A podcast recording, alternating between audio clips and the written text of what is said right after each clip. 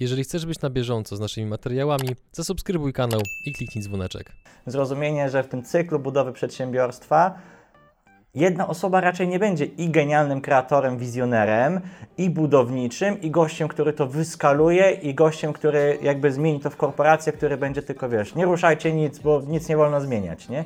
No to nie jest jedna osoba przecież, nie? Ja uwielbiam patrzeć, jak ludzie się wokół mnie rozwijają. Dlatego mnie bardziej kręci zbudowanie turkusowej organizacji, w której rozwiązuje się ważne dla ludzkości problemy, gdzieś tam docelowo, dzisiaj może mniej ważne, ale niesamowicie kręci mnie to, jak się rozwija mój przyjaciel, z którym pracuję już od 10 czy nawet 12 lat razem, z przerwami i jak on jakby się jako osoba rozwija, jak się rozwija mój wspólnik, jak się rozwija moja partnerka Justyna, którą- z którą pracuję. I moim zdaniem jakby właśnie organizacja i biznes jest takim wehikułem do samorozwoju. Partnerami kanału są DPD, Twoi eksperci w doręczaniu, IBCCS Tax, spółki zagraniczne, ochrona majątku, podatki międzynarodowe, Kono, wspólnie budujemy sukces, Platinum Eye, oko na Twoje finanse. Linki do partnerów w opisie materiału. Dzień dobry drodzy widzowie, ja nazywam się Adrian Gorzycki i witam Was w kolejnym odcinku Przygód Przedsiębiorców, gdzie tym razem moim gościem jest... Bartosz Rychlicki.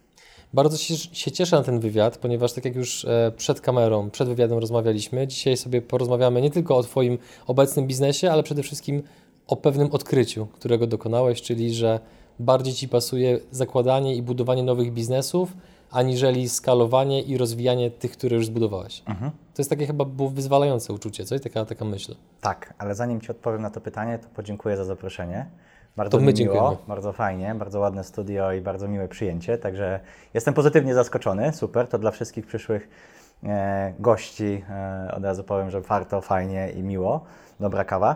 Nie, A odpowiadając na Twoje pytanie, e, to tak, to było bardzo uwalniające. W ogóle jakby to doświadczenie, żeby zdać sobie sprawę, w czym ja jestem taki sobie, a w czym ja jestem całkiem e, dobry, jest bardzo uwalniające i już wcześniej było, na przykład już wcześniej do mnie doszło, no bo pierwsza taka, taki pogląd, który ja miałem, to, że skoro zakładam firmy, jestem founderem, e, jestem prezesem, no to automatycznie jestem szefem.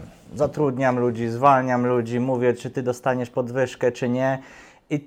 No bo to tak idzie w pakiecie, nie? Zakładasz firmę, no to jesteś szefem, jesteś liderem, no to takie rzeczy podejmujesz. Cały ten bagaż. Tak, cały ten bagaż. A mnie to tak nigdy specjalnie nie grzało. Ja nigdy nie miałem tendencji do typu posiadania jakiejś władzy i typu mówię, rozstrzygania o czyimś losie. Ale przez 10 lat chyba, jak tworzę biznesy różne, no to to po prostu robiłem i to pewnie ze średnim skutkiem, jak większość ludzi pewnie by powiedziało o mnie, to taki szef, taki okej. Em, I dopiero kiedy zdałem sobie sprawę, kurde, przecież to też można komuś oddać. Dalej mogę być founderem, dalej mogę robić to, w czym jestem dobry, czyli mieć pomysły, realizować je, ale nie, musi, nie muszę ja być odpowiedzialny za zatrudnianie, zwalnianie, podwyżkowanie, rozwijanie ludzi, skoro nie jestem w tym najlepszy. I ktoś inny to przejął, kto powiedział, kurde, mi to sprawia mega dużo radochy. I nagle jak widzę, że na przykład jest taka sytuacja, że trzeba kogoś zwolnić, bo w każdym biznesie tak się zdarza, i ta osoba wychodzi z uśmiechem na twarzy z tej sali, no to znaczy, że ktoś robi dobrą robotę, a ja niekoniecznie bym tak to potrafił zrobić. Więc jakby oddelegowanie tej odpowiedzialności za zarządzanie ludźmi dało mi też dużo oddechu i powiedziało, o, to, to, to ta rola szefa, prezesa, ona nie jest sztywna. To nie jest tak, że ktoś powiedział, będziesz nosić gajer, siedział na spotkaniach, siedział w konferencyjce, zatrudniał ludzi, zwalniał ludzi, podejmował strategiczne decyzje i miał wąsa i cygaro. I, I doszedłem do wniosku, że no faktycznie nie. I takie redefiniowanie siebie pod tytułem, a co mi wychodzi? A co mi powoduje frustrację? Pozwoliło też zobaczyć, że kurczę, ja rozwijam biznesy do jakiegoś etapu, a potem następuje magiczna blokada. Różnie, czasami z powodów zewnętrznych, czasami wewnętrznych, ale one dochodzą do jakiegoś momentu i później najczęściej je porzucam. A skąd wiesz, kiedy że ten moment nastąpił? A, To zazwyczaj, kiedy jest taka stagnacja przez dłuższy okres, czyli to niby chodzi, ale nie tak jakbym chciał, trochę już się ekscytacja wyciera, trochę już nie ma tam takich wyzwań, trochę już jest to powtarzalne dla mnie. Zaczynam się nudzić, zaczynam odpływać od tego, zaczynam po prostu czuć brak pasji do tego. I wiadomo, że też trzeba czasami to przebrnąć, bo, bo czasami tak po prostu może być przez tydzień, dwa, trzy miesiąc. Ale jeżeli to występuje dłużej, to mam wrażenie u mnie, że to jest już czas coś z tym zrobić. I kiedyś to porzucałem, na przykład wychodziłem z firmy i zostawiałem wspólnikowi. Mówiłem, a wiesz co, mi się już nie chce, ty to prowadź, masz tu w prezencie, se tam rób, jakoś się dogadamy. I on to robił. A ja trochę obrażony szedłem i budowałem coś nowego. Dzisiaj wiem, że zamiast się na to Obrażony na co? no na ten biznes, że, że tam nie było tak jak chciałem na końcu, nie? Frustrowałem się, że kurczę, on mi nie dał tej satysfakcji i trochę tak go zostawiałem jak tak, wiesz, niech, niechciane dziecko. A dzisiaj doszedłem, Ej, po co? Przecież można to mądrzej zrobić. Można sobie powiedzieć, ty właśnie w tym jesteś dobry, rób to proaktywnie. Powiedz sobie, że no, my się rozstaniemy za jakiś czas i to jest ok, bo są ludzie, którzy to potrafią robić lepiej, a ty zainkasuj, zrób to, co potrafisz dobrze, skup się na tym i to rób. Nie? Czyli takie właśnie zrozumienie, że w tym cyklu budowy przedsiębiorstwa jedna osoba raczej nie będzie i genialnym kreatorem, wizjonerem, i budowniczym, i gościem, który to wyskaluje, i gościem, który jakby zmieni to w korporację, który będzie tylko, wiesz, nie ruszajcie nic, bo nic nie wolno zmieniać, nie? No to nie jest jedna osoba przecież, nie? W ogóle frustracja jest chyba takim bardzo dobrym wskaźnikiem pokazującym, nad czym powinniśmy się pochylić i co powinniśmy rozważyć, nie? Tak. Ty powiedziałeś bardzo fajnie, że wcześniej, że to znaczy, że świat ci chce coś powiedzieć, pokazać. Szeptać, tylko że nie ci słyszy, za tylko głośno. tak, a ja wierzę, że frustracja bardzo podobnie jest wtedy, kiedy jakiś z naszych poglądów przestaje być aktualny na rzeczywistość. Mhm. Czyli Rozwiń. wierzyłeś w coś, że jest jakość. Czyli ja na przykład wierzyłem, że prezes to tak, tak i tak. Cygarowąs. Cygaro wąsy. I, I jest jakaś frustracja, bo palę to cygaro, mam tego wąsa, ale to jakoś się, to rzeczywistość mi mówi, że to nie bardzo jakoś tak gra i ze mną, i z nią, i, i wszyscy mówią, co on z tym wąsem robi. I, I to dlatego, bo mój pogląd po prostu na daną sprawę przez to być aktualny. Mhm. Nie? I zmieniłem pogląd na to, kim powinien być prezes firmy. Mi się zdarzyło tak a propos frus- frustracji w pewnym momencie uświadomić sobie, że mm, nie jestem osobą za bardzo zorganizowaną. Tak. To nie jest absolutnie moja mocna Tak. strona. Mm, Natomiast umiejętności takie pod kątem właśnie sprzedaży, marketingu, komunikacji, badania potrzeb, to akurat wydaje mi się, że jest w pewien sposób na ponadprzeciętnym poziomie u mnie, przynajmniej taki jest feedback mojego najbliższego otoczenia. Dlatego, kiedy mam do wyboru dwie czynności, jedna porządkowanie czegoś w Excelu, układanie Tak. procesów, druga kontakt z klientami, to przy tej drugiej, to wiesz, dopamina to tam po Tak. prostu się wręcz wylewa, a przy Tak. tej pierwszej, No, dokładnie. I to jest, i to jest w ogóle super też coś, co zrozumiałem z rok czy dwa lata temu. To w ogóle jest gdzieś tam, powiedzmy, osadzone w teorii turkusowych organizacji. To też trochę wyświechtane słowo, ale em, tam jest taka idea, że ludzie wiedzą, w czym są dobrzy, w czym są źli, wiedzą, że inni są dobrzy, w czym są dobrzy i w czym są źli i komplementują się nawzajem, a nie próbują sobie naprawić świat. Jak często jest w korporacji, że przychodzi finansowy i do tego gościa od marketingu mówi, ty jesteś głupi, jak możesz tyle pieniędzy wydawać, nie? Ten gościu z marketingu mówi, ty jesteś głupi, jak możemy nie wydawać na marketing, ja mam rację, nie? I każdy ze sobą, zresztą często w korporacji te silosy walczą ze sobą, nie? Ten chce oszczędzić, ten chce wydać, ten sprzedawać, ten innowacje, ten, broń Boże, nic nie zmieniaj. A właśnie sztuką budowania, moim zdaniem, dzisiaj biznesu, to jest właśnie powiedzenie sobie, ty jesteś zorganizowany, ja nie. Ty jesteś do ludzi, ja nie. Połączmy nasze siły i podzielmy się tak tymi rzeczami, które trzeba robić, żeby się wspierać, ale nie, nie mów mi, że ja jestem gorszy albo lepszy, albo ty, nie? Mamy unikatowe cechy i tak je łączmy i komplementujmy, żeby zbudować mechanizm firmy. I na przykład moim zdaniem to jest możliwe zbudowanie całkowicie działającego biznesu w 4-5 osobowy zespół. I taki mam dzisiaj model. W 4-5 osobowym zespole. to, Tylko komplementujących się nawzajem ludzi, nie? To zanim ten wątek jeszcze rozwiniemy, bo ja mam sporo pytań, to jeszcze może tak w ogóle naszkicujmy ludziom, Tak. co dotychczas zrobiłeś, jakie biznesy zbudowałeś, jakie biznesy sprzedałeś, jeżeli mógłbyś też podać Tak. na przykład kwoty, Tak. też byłbym wdzięczny. Będziemy dużo dzisiaj chyba skakać po tematach, to taki będzie wywiad. Będzie dużo. Będziemy skakania, więc e, m- moje uwielbienie struktury cierpi, ale poradzimy sobie jakoś z tym. Także ja jestem przedsiębiorcą od 16 lat, myślę. E, Od 19 roku życia założyłem e, swoją pierwszą działalność. Wcześniej pracowałem jako taki brand manager w sklepie z butami, który dzisiaj jest jednym z większych sklepów online. I fajnie, że jakby e, kiedy zaczynaliśmy w tym sklepie, no to było nas czterech i w ogóle sprzedaż butów przez internet to było coś nie, nie do pomyślenia. Jak można buty przez internet sprzedawać, to przecież trzeba przymierzyć w ogóle szok. No, a dzisiaj to za marka? E, To był dystrybutor wielu marek, między innymi Martensa, głównie w Martensie, jakby to, to, była nasza główna marka, a później dochodziły inne. A, Ale sklep nazywa się Instant.pl, polecam, pozdrawiam e, Karola, szefa firmy, super gościu. Też dużo mnie o biznesie nauczył właśnie w tej pierwszej pracy. I, tam, I stamtąd e, odeszłem założyłem swoją działalność. To była agencja interaktywna. Boom internetu, każdy musiał mieć kiedyś stronę, każda firma, więc my troszeczkę się na końcówkę tego trendu załapaliśmy i kilku fajnych klientów obsługiwaliśmy tam Lotos w jakimś e, pewnym momencie, czy Monari, który wiedziałem, że tutaj naprzeciwko gdzieś jest. Mieliśmy kilku fajnych klientów.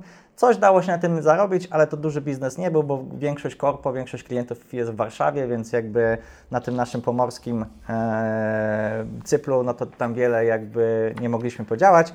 Więc w 2011 z tego, czyli po 5-6 latach, z tego biznesu odszedłem, założyłem software house, który miał e, tylko body leasingować ludzi i on do dzisiaj sobie działa i, przychodzi, i przynosi prawie że pasywne przychody, więc to jest bardzo fajne. W jakiej wysokości? E, od kilku do kilkunastu tysięcy miesięcznie na czysto. Mhm. Nawet do kilkudziesięciu w dobrych no tak miesiącach. Przyjemnie. Przyjemnie, bo nie ma biura, mhm. nie ma kosztów. E, ja płacę tylko kiedy sprzedam godziny programistom. Mam z tego marżę. E, nie mam żadnych dodatkowych kosztów, więc praktycznie wszystko, co wpada, jest, jest dla mnie, jedynie co to mam księgowość i tyle. Mhm. Więc tam się też nauczyłem, że nie trzeba mieć dużych przychodów, trzeba mieć duży zysk. Mm, więc, e, więc to jest to. I potem już stwierdziłem, że ok, czas, e, jakby jak rozwinąłem ten software house, on dzisiaj się faktycznie wygasza, bo nie inwestuję w niego czas, więc on na pewno pewnie gdzieś w końcu umrze, bo, bo, jak się po prostu nie wkłada wysiłku, to tak jest, ale to jest dojna krowa moja, więc ok, ona w pewnym momencie zdechnie. Następnie założyłem Quantum i to już było z taką wizją wielkości, zrobić coś swojego, fajnego, um, swój produkt. To było w 2013 roku. I w Quantum tak naprawdę w organizacji, którą tam, organizacji szumne słowo, ale tak można to nazwać, powstało wiele różnych produktów e, od początku. Zaczęliśmy tak naprawdę od aplikacji 30 e, Days, która miała nas uczyć dobrych nawyków. W sposób niedeklaratywny badała, czy my dany nawyk wykonaliśmy, czy nie. Na przykład, czy ja wstałem z łóżka o 8 rano. Jeżeli tak, to dostawałem jakąś nagrodę. Nie? I w ten sposób jakby następowała pętla zwrotna nawyku, czyli nawyk składa się zawsze z wskazówki, czynności i nagrody. Wskazówka, czyli budzik, czynność wstaje, nagroda dostaje punkty w aplikacji. A więc miała za zadanie budować jakby nasze nawyki, w tym punktualności, na przykład brała nasz kalendarz, patrzała, ok, ty masz spotkanie o 13 takiej, w takim miejscu, patrzę, czy tam jesteś po Twoim GPS-ie. Jesteś, brawo, na czas dostajesz punkt. E, ale zanim skończyliśmy tą aplikację, ja już wymyśliłem nową i zmieniliśmy fokus na nową. I to już jest pierwsza wskazówka, która dzisiaj pokazuje właśnie tam płodność do pomysłów. Nazywa się How? I ona polegała na mierzeniu i poprawie swojego nastroju. Czyli według idei, jeżeli coś mierzysz, zyskujesz świadomość tego, co mierzysz, dlaczego to rośnie, dlaczego to spada, e, więc możesz trochę bardziej nad tym zapanować, nad nastrojem. To był taki okres, w którym ja się troszeczkę jeszcze z depresją mierzyłem, taką egzystencjonalną, to możemy później pociągnąć, mhm. nie mam z tym żadnego problemu. Zanotowane. Mm, dobra. Mm, I ta aplikacja właśnie miała odpowiedź na mój problem, bo ja trochę nie kumałem, z czego to się bierze, raz jest dobrze, raz jest źle, dlaczego, mocna chęć poznania przyczyny we mnie jest po prostu, więc zrobiliśmy aplikację pod mój problem. I ona się okazała całkiem trafna, bo 5 tysięcy czy 6 tysięcy, 2013 rok, osób ją ściągnęło w cenie 29,99 dolara. I to była top 1 aplikacja medyczna w Polsce, top 2 w Irlandii, top, top 2 w Izraelu, tam chyba w top 5 była mhm. w Kanadzie. Tylko, że to były czasy, w których no, abonament w aplikacji był nie do pomyślenia. Wtedy się ledwie płaciło za aplikację. To był pierwszy iPhone, pierwsze iPhony. E, chyba iPhone 3 wtedy jakby topował. Więc powiedzieliśmy sobie, kurde, sprzedaliśmy 5 czy 6 tysięcy aplikacji i to jest jakieś 20 tam 20 tysięcy dolarów, nie? Bo tam różne poziomy cenowe były, zanim doszliśmy do tej dużej e, pozycji. I co to jest 20 tysięcy dolarów? Przy tym, że byliśmy w TVP1, e, wiesz, jakby z całym pomysłem, przy super w ogóle, wiesz, PR-ze, zainteresowaniu me mediów, to doszliśmy, kurde, nie 20 tysięcy dolarów miesięcznie, 20 tysięcy dolarów przez rok chyba, jakby, mhm. czy tam 9 miesięcy, nie? Więc doszliśmy, no, bardzo byśmy chcieli, wartość jest, ale big, dużego biznesu się na tym zbudować nie da. Dzisiaj, gdybym wiedział, to bym to wypchnął i sprzedał za parę milionów dolarów, nie? Mhm. Bo to jest już zwalidowany produkt, wartość, klienci chcą za to płacić, tylko trzeba umieć to przeskalować, żeby dojść do 50 tysięcy osób, może w innym modelu, może w połączeniu z jakąś wartością, a może po prostu przeczekać, bo dzisiaj to w mhm. modelu subskrypcyjnym świetnie by się sprawdzało, bo tam e, nawet gościu trzy lata po tym, jak myśmy tą aplikację skilowali, zadzwonił do nas ze Stanów, powiedział, że używał, miał stary telefon, na którym ta aplikacja jeszcze chodziła, ale już mu się zepsuł i nie ma możliwości przeinstalowania tej aplikacji. Czy on może od nas odkupić ten kod źródłowy, bo on komuś zapłaci, żeby zbudować tą aplikację na, nowo, na jego nowy telefon, bo mu tak pomaga, bo jest chory na chorobę dwubiegunową afektywną, afektywną dwubiegunową i mu ta aplikacja faktycznie ratowała prawie że życie. Więc taki ciekawy case, więc tam faktycznie wartość była e, i takich ludzi było mnóstwo, tylko ja wtedy nie umiałem tego przeskalować na cały świat, więc znowu się obraziłem, skilowaliśmy to, powiedzieliśmy, nie, nie ma sensu, robimy coś nowego. E, nie dostrzegałeś tego, że jest, jest, jest, jest, jest jeszcze inna możliwość wyjścia z tej sytuacji. Tak, nie dostrzegałem. Mhm. No nie wychodzi, to nie wychodzi, no, mhm. nie po, no coś, coś jest nie tak z tym. Nie? Więc skoro ja nie potrafię, no to muszę się zająć czymś innym, muszę spróbować z innym pomysłem, z, in, z innym produktem. Może tam się uda zrobić big business. No i tak generalnie faktycznie z każdą iteracją, bo następną rzecz, e, którą zrobiliśmy, to była technologia odczytu emocji z twarzy.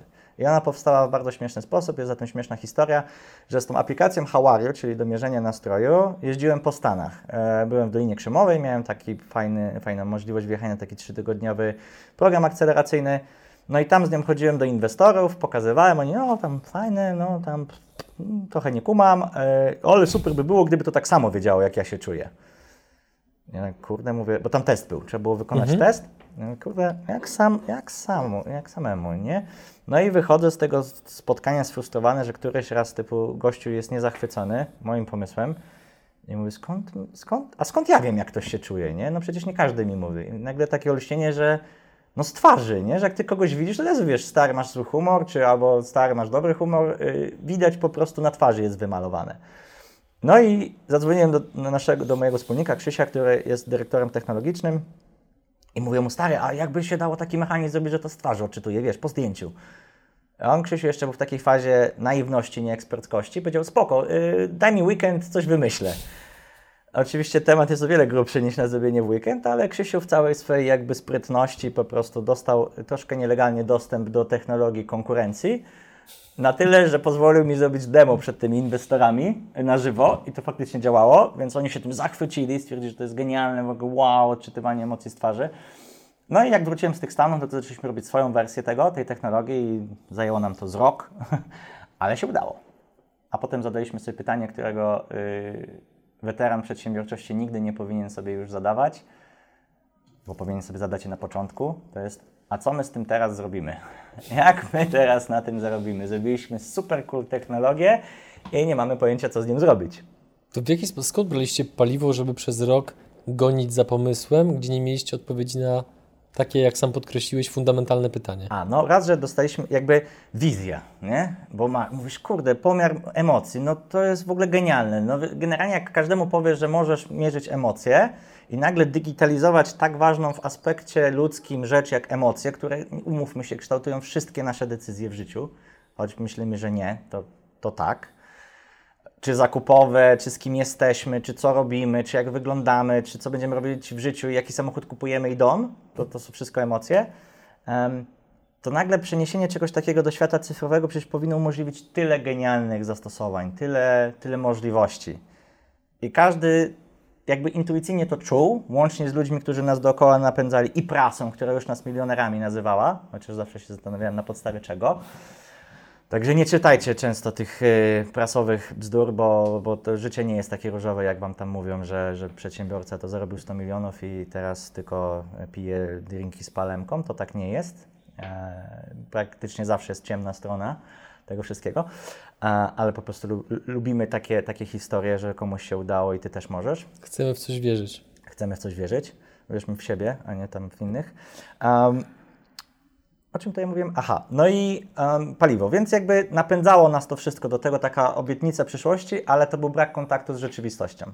Z drugiej strony, no Czasami tak jest, czasami trafisz, czasami nie trafisz. W moim mhm. przypadku to jeszcze dużo, dużo y, musi w Wiśle wody upłynąć, zanim z takiej technologii wyjdzie coś sensownego dla świata.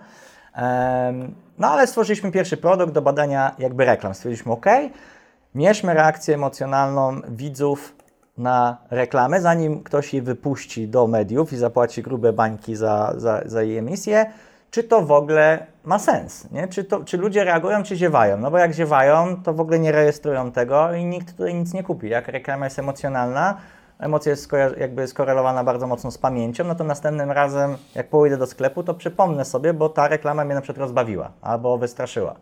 Ale jak to była po prostu reklama, kup teraz, jest taniej, to ona nie zadziała na dłuższą metę. Ona zadziała racjonalnie, czyli na przykład jeżeli faktycznie teraz szukam kawy i ktoś mi mówi, że kawa jest za połowę ceny i to pójdę ją kupić, bo w sumie jest spoko, czemu za połowę ceny miałbym jej nie kupić. Ale jeżeli w taki sposób się prezentuje samochód, a ja samochód będę kupował za dwa lata, ja go za cholerę nie zapamiętam, bo tam fajnie, bo rodzinka jechała w samochodzie. Mhm. Nic, z niczym mi się to nie skojarzy i raczej będę wybierał e, po jakichś skojarzeniach emocjonalnych. No bo jak wybierasz markę samochodu, masz skojarzenie emocjonalne, nie? Tak, to... są powody, dla których Albo nie będę mówić tych marek, bo Mów, może tego, tak. mogę tego żałować, bo być może jednak będę nią jeździł, jakby, ale no faktycznie Rozumiesz, jestem... nie? To, tak, to nie tak. jest racjonalny wybór, że a, ten ma więcej koni, ja kupuję tego, bo tutaj... Nie, masz jakieś skojarzenia emocjonalne, coś to mhm. w tobie wywołuje i to z tego się bierze, nie? Producenci samochodów doskonale o tym wiedzą. Zresztą kiedyś testowaliśmy świetną reklamę Fiata, taką z Viagrą, co tam się odbijała o e, rynne i wpadała w końcu do baku e, Fiata 500 i tam coś mu pęczniało. Także e, fajna reklama, bardzo zabawna, mhm. więc, więc ona na przykład bardzo, bardzo zadziałała. E, ale, no i tam nawet mieliśmy jakieś sukcesy, jakichś klientów, ale doszliśmy do bardzo ciekawych konkluzji i to jest właśnie niestety w innowacjach, że coś, co Ci się wydaje, że jest genialne i nawet Ci wszyscy mówią, że jest genialne i Twoi klienci mówią, że oni to wezmą, bo to jest genialne, nikt nie wie, co się stanie, kiedy faktycznie zaczną tego używać. Case tutaj był bardzo prosty, nie? Ktoś mówił, fajnie, duża firma testowała u nas taką reklamę i to jest jakby bardzo dobry przykład tego, co się najczęściej działo. Czyli ktoś zrobił jakąś reklamę, tam był jakiś celebryta, któremu zapłacono na przykład 10 baniek za udział w tej reklamie, oni ją testują, a my im mówimy, wiecie co, to jest kompletne dno. W ogóle tu ludzie wolą patrzeć sobie na stopy niż na tę reklamę, to jest tak nudne i w ogóle a oni mówią, aha, i co, my mamy teraz tego nie puścić, jak temu typowi zapłaciliśmy 10 baniek, żeby był w naszej reklamie, mamy tego nie puszczać. Jaki dyrektor marketingu przyjdzie i przyzna się przed swoim szefem, że sorry, wydałem 10 baniek na tego typa, ale to nie pójdzie? No bez szans. Bez szans, nie? Więc byliśmy najczęściej posłańcami złych, złych wiadomości, bo mówmy się, większość reklam w Polsce to klapa totalna, nudy więc my najczęściej mówiliśmy, no twoja reklama niestety jest nudna. Mhm. Zrobiłeś kupę po prostu. W wielopaku taniej. Tak. I więc no, nikt nas nie lubił za bardzo. Najczęściej to chciał, żebyśmy schowali ten raport do kieszeni, znaczy do, do szuflady. E, to było jedna. A druga rzecz... Pewnie totalnie się nie spodziewałeś takiego scenariusza, co? Że Nikt się nie narzędzie, które powinno być w swoim założeniu przełomowe, bo w końcu tak. pozwoli precyzyjnie budować reklamy, które działają, tak. to nagle się okazuje, że po, efekt tego narzędzia jest taki, że są zagrożone posady tak.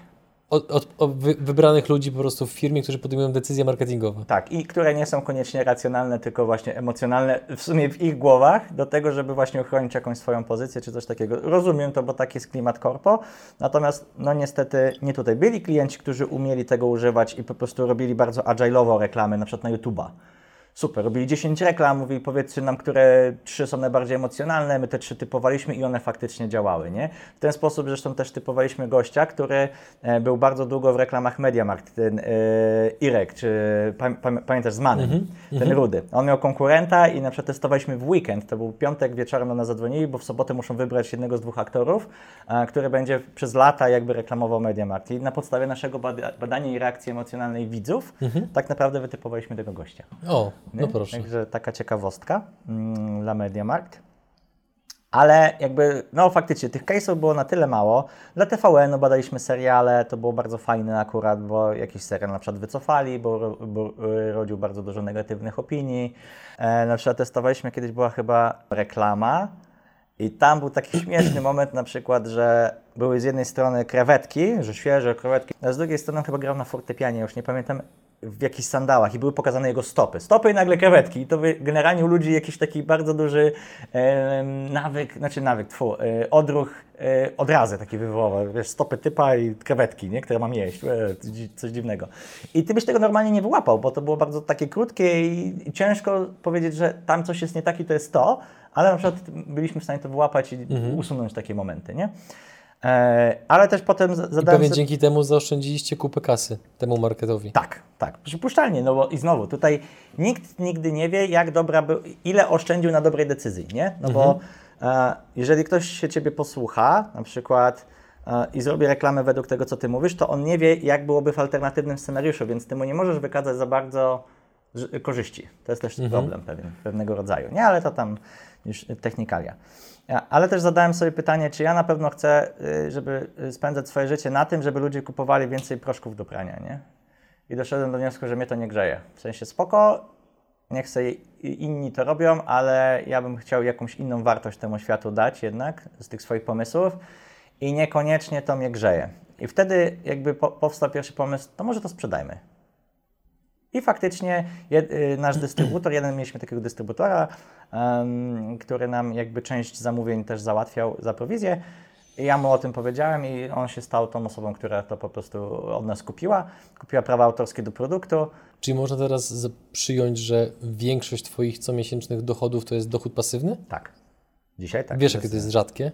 Nie, ale domyślam się... Ekstremalnie rzadkie. To jest jakby taki, wiesz, Tak. święty gral, którego poszukuje wielu przedsiębiorców, zwłaszcza młodych, uwiedzionych wizją często różnych organizacji, które tam obiecują różne rzeczy, jak będziesz pozyskiwał kolejnych członków i tak dalej. Nie Tak, wchodźmy w tak, szczegóły, tak, bo tak, tak, tak, tak, tak, tak. nie, jestem jakimś wielkim sympatykiem Tak. tego modelu biznesowego. Niemniej, no, to jest dla wielu osób święty gral, że masz dochody w sposób konsekwentny, regularny i w miarę przewidywalny co miesiąc, no i de facto nie musisz w tym nic robić.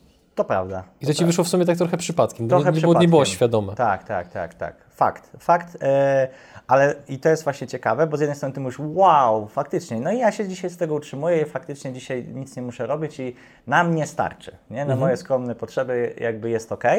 Pewnie jak tak nic nie będę robił przez następne parę lat, to to się skończy, nie? Bo to też Mhm. nie jest tak, y, że to jest takie pasywne i możesz w ogóle już wyjechać na Teneryfę i w ogóle na to nie patrzeć. No nie, tam czasami trzeba zadzwonić, trzeba coś dopomóc, plus generalnie wszystkie źródła mają tendencję prędzej czy później do wysychania. No żaden produkt nie żyje 50 lat, nie?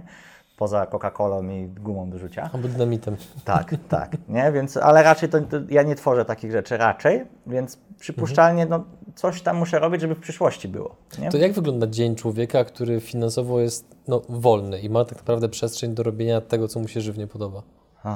I to jest właśnie wyzwanie, nad którym ja się. Nie tak fajnie, jakby się wydawało, bo, to, bo, bo w pewnym momencie to każdy mówi, przychodzi takie, kurde, ja chcę coś robić, nie? E, Ale z drugiej strony nie jesteś na musiku, więc trochę tej presji zaczyna brakować i, za, i zaczynasz sobie ją jakoś tworzyć, ale no jest pokusa pospać do 11.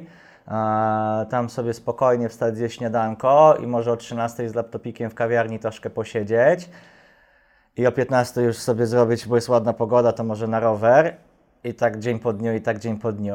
I trochę zaczynają cię gdzieś, wiesz, coś zaczyna w tobie tam mówić, kurde, stary, weź coś, weź, weź już się coś zabierz za coś do roboty sensownego, bo ile tak można przebimbać, nie? Jeszcze nie jesteś na emeryturze, masz 35 lat. Um, więc to jest przyjemne na chwilę, to, są, to jest taki po prostu fajny urlop, ale no nie da się tak na dłuższą metę. To, to, to fajnie, że się nie zastanawiasz, czy ja mam na, na, na rachunki, ale dalej chcesz, dalej, dalej masz drive'a do, do robienia i, i to nie jest aż takie super, no po prostu. To, to nie jest aż takie super. Fajnie, że nie musisz iść do roboty, wstawać rano. Dzisiaj się zastanawiam, jak ja kiedyś mogłem w biurze być o 19, wychodzić o 18, no dla mnie szok. E, pewnie bym się przyzwyczaił, gdybym musiał. Ale no fajnie, tylko trzeba faktycznie mieć zajęcie i, i powiedzieć sobie, czy ja robię na tyle dużo, żebym mógł sobie się rozliczyć i powiedzieć sobie, jest ok, nie? Robisz wystarczająco dużo. Jesteś w sytuacji, w której ewidentnie widać, że pieniądze nie są Twoim motywatorem, Twoim drive'em, że Cię nie grzeją pewnie jakoś turbo mocno. To co Cię grzeje? Co jest jakby Twoim napędem, który pozwala Ci wchodzić w kolejne biznesy, odpalać kolejne projekty, testować, próbować? Są chyba trzy rzeczy takie, mm, e, tak jak teraz sobie o tym na spokojnie myślę. Pierwsze to jest oczywiste, czyli ja, mnie strasznie grzeje, jak widzę, że ludzie grzeją się tym, co zrobiłem, produktem. Oni nie muszą wiedzieć, że to ja, oni nie muszą wiedzieć, jak to powstało, ale bardzo mnie grzeje to, jak czyjeś życie staje się lepsze dzięki właśnie mojej pracy. Nie? Tak jak ten gościu ze Stanów, który miał tą aplikację, która mu ratowała życie, no miód na moje serce, komuś pomagałem czuć się lepiej. Nie? Super, lubię to po prostu widzieć, nie? Mieliśmy, jeszcze o tym w ogóle nie wspomnieliśmy, o właściwie moim największym biznesie, czyli Quantum CX. e, tym, który tak był na ustach wszystkich Polaków prawie, że w zeszłym roku, to możemy o tym później opowiedzieć. Mhm. To jest, to w, planie, w liczenie uśmiechów, nie lubię tego słowa, ale to jest bardzo ciekawy temat. To tam na przykład bardzo lubiałem, jak wchodziłem do placówki bankowej, w której się zainstalowaliśmy parę miesięcy temu i, te, i na przykład jedna z pań powiedziała, Panie Bartku, Pan mnie nauczył, te, te narzędzie mnie nauczyło się uśmiechać, ja sobie wymieniłam zęby specjalnie, bo tak lubię się uśmiechać. Pani w banku dwa lata przed emeryturą. Nie? Inna mówi, mi spadło ciśnienie, z lekarzem zmierzone, spadło mi ciśnienie, bo miałam nadciśnienie. Odstawiłam leki, dlatego, bo się więcej uśmiecham. I to oczywiście brzmi dziwnie, ale jest w tym prawda medyczna, no bo po prostu uśmiech wyzwala, obniża nam stres, obniża nam kortyzol, zwiększa serotoninę, więc generalnie odporność nam organizmu rośnie, więc takie rzeczy jak ciśnienie krwi też nam spada. I to było dla mnie wow. Ludzie po prostu dziękowali za to, że ja dzięki swojemu rozwiązaniu nauczyłem ich tego, co daje uśmiech. To zróbmy tak, dokończ te napędy, które Cię grzeją do biznesu, a potem rozwijemy, rozwijemy wątek Quantum CX, żeby w ogóle Dobra. widzowie wiedzieli o co chodzi. Czyli to jest ta pierwsza rzecz, czyli jak mogę zobaczyć, że komuś coś, moja praca, moje produkty, nasze produkty, nasze, nasz wysiłek coś daje. E, Druga rzecz, ja uwielbiam patrzeć, jak ludzie się wokół mnie rozwijają. Dlatego mnie bardziej kręci zbudowanie turkusowej organizacji, w której rozwiązuje się ważne dla ludzkości problemy, gdzieś tam docelowo, dzisiaj może mniej ważne, ale niesamowicie kręci mnie to, jak się rozwija mój przyjaciel, z którym pracuję już od 10 czy nawet 12 lat razem, z przerwami i jak on jakby się jako osoba rozwija, jak się rozwija mój wspólnik, jak się rozwija moja partnerka Justyna, którą- z którą pracuję. I moim zdaniem jakby właśnie organizacja i biznes jest takim wehikułem do samorozwoju i strasznie mi się to podoba, jak ludzie odnajdują swoje mocne strony, swoje słabe strony, godzą się z tym, stają się lepszymi osobami, e, czują się lepiej w tym, co robią. Mam wrażenie, że każdy ma trochę taki obowiązek znaleźć swój potencjał i dać go światu, a nie tylko przebimbać to życie. I jakoś mnie to po prostu napędza, kiedy ja mogę stworzyć takie warunki do tego, żeby inni się spełnili i odnaleźli swój potencjał. Nie? Kasa często w tym niestety przeszkadza. Bo Dlaczego? ma- Bo, bo kasa, bo jak chcemy kasę, to chcemy, bo się boimy. Często, nie? Muszę mieć dużo, bo się boję. Bo w środku niekoniecznie jest tak, jak być powinno. Nie czuję się ze sobą na ok, więc muszę sobie trochę udowodnić, muszę sobie zabezpieczyć. Oczywiście jest pewien poziom racjonalny, jak najbardziej, ale wtedy działanie jest ze strachu, nie? a nie z chęci dawania, nie z poczucia własnej wartości. To jest zupełnie inna motywacja do robienia rzeczy niż robienia dla kasy, bo to jest ze strachu. Ze strachu ciężko jest być w strachu kreatywnym. Nie? Trzeba mieć troszkę ekscytacji i takiego spokoju, nie? Więc jakby mm, dlatego kasa często w tym przeszkadza i dlatego y, rozwój siebie też jest ważny, żeby to zrozumieć, że kasa nie, nie, da, nie da się zrobić dobrej organizacji, jeżeli wszyscy są drajwowani kasą, moim zdaniem. Przynajmniej takie, taka, która rozwiąże istotne problemy. Da się zrobić fabrykę uszczelek w ten sposób i żyłować zysk, nic z tym złego, ale organizację, która chce, a nie musi, trudno jest w ten sposób y, zbudować, kiedy po prostu kasa jest na pierwszym miejscu. Powinna być na ostatnim, moim zdaniem, ale powinna być. I co jest trzecim drive'em? I trzecim drive'em jest rozwój mnie. Jakby dla mnie w ogóle rozwój jest jedną z moich trzech głównych wartości. Em, moim zdaniem po prostu rozwój to jest droga do szczęśliwego życia, bo ty może dzisiaj czegoś nie wiesz, ty dzisiaj czegoś nie widzisz, ale dzięki rozwojowi zobaczysz prędzej czy później. I jakby znowu cel, challenge, czy tam wyzwania, inni ludzie, trudności, na które napotykasz, to są wszystkie, wszystko okazje do tego, żebyś ty się rozwinął, zrozumiał świat i siebie lepiej. Um, I dlatego uważam, że no, to mi daje tego drive'a. Kolejny challenge, kolejne zbudowanie czegoś, przeskoczenie pewnego pułapu, bo ja czuję i ewidentnie to widzę, że staję się po prostu lepszą osobą pod każdym względem. Dla siebie, dla innych, dla świata i więcej daję. Czuję się po prostu szczęśliwszy dzięki temu. Więc jakby biznes jest dla mnie takim powodem do rozwoju. Nie? Jak odkryłeś swoje wartości? A, to była bardzo, bardzo, bardzo długa droga. E, to tak nie jest, że się, wiesz, zamykasz gdzieś tam, myślę, wydaje, e, na plaży, medytujesz i po godzince wychodzisz i mówisz, już wiem. E, próbujesz różnych rzeczy, potem sobie mówisz, jak ja mogłem w ogóle taką wartość sobie tutaj postawić, w ogóle, że to jest dziwne i tak dalej. Em, i to wiele, wiele lat mi zajęło i dzisiaj myślę, że mam taki konstrukt, który mi się faktycznie sprawdza em, i ma dla mnie sens. I to są trzy rzeczy. To jest mądrość, to jest odwaga i to jest rozwój. I doszedłem do wniosku, że tak naprawdę życie składa się z mądrych decyzji, które prowadzą Cię do szczęścia i Twoich długoterminowych celów. To, czy ja tu dzisiaj jestem, czy nie, jest moją decyzją. To, czy ona mnie prowadzi do moich długoterminowych celów, czy nie, czy do szczęścia, czy nie, no jest, jest jakby w moim osądzie. Mogę sobie to powiedzieć, czy to jest dobre, czy to jest złe. Jeżeli wybiorę dobrze, no to prawdopodobnie zwiększam szansę swojego szczęścia i, osiągnięcia swoich celów. Ale żeby wiedzieć, czy to jest dobre, czy nie, no to jest potrzebna mądrość właśnie, czyli ta ocenianie decyzji, czy to jest dobre, czy nie. Żeby mieć szersze spektrum danych, to potrzebujesz mieć rozwój, bo rozwój pozwala Ci rozumieć nowe sposoby, tak jak rozmawialiśmy wcześniej, nie? A może ta rola tego CEO może wyglądać inaczej, ale dowiadujesz się tego przez rozwój. Tak, dowiadujesz się nowych rzeczy, zwiększasz swój zasób danych, więc możesz mądrzejsze decyzje podejmować, bo ilość decyzji jest nieskończona, ale żeby te fakty, które są Ci potrzebne Mhm. do podjęcia jej, poprzez rozwój gromadzisz. No jest jeszcze trzecia rzecz, żeby często postąpić właściwie jest trudno. My wiemy często, co jest dobre, ale nie mamy jaj, żeby, żeby, się, żeby taką decyzję podjąć i się w niej utrzymać. Bo rzeczy, które często są dla nas dobre długoterminowo, to są te trudne rzeczy. Łatwo jest zjeść paczkę chipsów dzisiaj, trudno jest zjeść jabłko zamiast. Długoterminowo ma to konsekwencje. Łatwo jest dzisiaj wydać stówkę na przyjemności, a nie zainwestować. Długoterminowo ma swoje konsekwencje. Dlatego potrzebna jest odwaga do tego, żeby, żeby zainwestować tą stówkę, a nie wydać na przyjemności. To jest trudne. Dlatego mądrość, rozwój i odwaga. I to mi się sprawdza. To jest po prostu framework do życia. No i teraz, żeby właśnie zachować, nawi- nawiążę po raz kolejny do tego, strukturę, którą tak lubisz, Tak jest. to tak jak obiecałem, przechodzimy Dziękuję. do Quantum CX. O co z tym chodzi, jak to powstało, co to daje przedsiębiorcom? Dobra. Quantum CX to jest jakby projekt, który aktualnie jeszcze realizujemy. Zaraz o nim opowiem, Słowo dlaczego jeszcze. jeszcze. Wytłumaczę na końcu. Em, idea jest prosta. Pewnie ja zawsze jak o nim opowiadam ze sceny, to zadaję takie pytanie, kto słyszał o Quantum CX? I tam gdzieś jedna, dwie rączki na sali się niepewnie podnoszą. To ja na pewno ja podniosę. To ty podniesiesz, no. A jak zapytam, a kto słyszał o mierzeniu uśmiechów w PKO? No to tam trzy czwarte sali nagle podnosi, e, podnosi ręce. I Quantum CX to e, był taki produkt, pozwolę sobie zacząć od historii, bo historia dobrze wchodzi.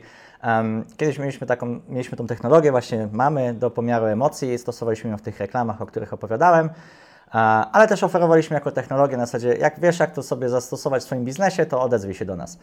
I to nie było jakoś specjalnie reklamowane, nie mieliśmy takich klientów i pewnego dnia przyszedł nas mail z Ameryki, mail z Ameryki fajnie brzmi, e, napisany Comic Sansem, jakieś wykolorowane rzeczy, w ogóle szok. Ja myślę, że tam super macie technologię, chciałbym wykorzystać w swoim biznesie.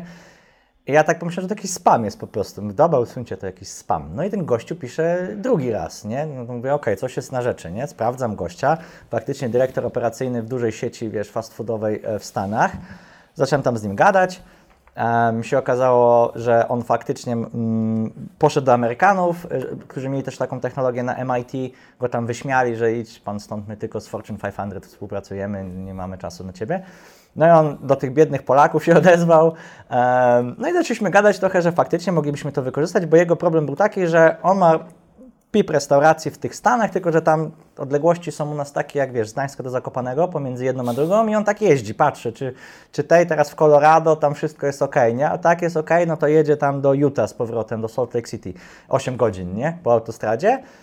I on by chciał mieć taki system, który mu w jakiś sposób nadzoruje e, życzliwość i takie usposobienie pracowników, no bo on nie wie, jak jest. On wychodzi z knajpy i on wie, że on nie ma pojęcia, czy ci ludzie są mili, czy są niemili, a w Stanach mają korbę na tym punkcie, trzeba sobie powiedzieć. E, więc on dopiero tam będzie za trzy tygodnie, a te ankietki, które się robi u klientów, to mu dają takie informacje po dwóch dniach dopiero, tak? Czyli ktoś weźmie paragon, pójdzie do domu, wypełni ankiety i powie, że było do dupy.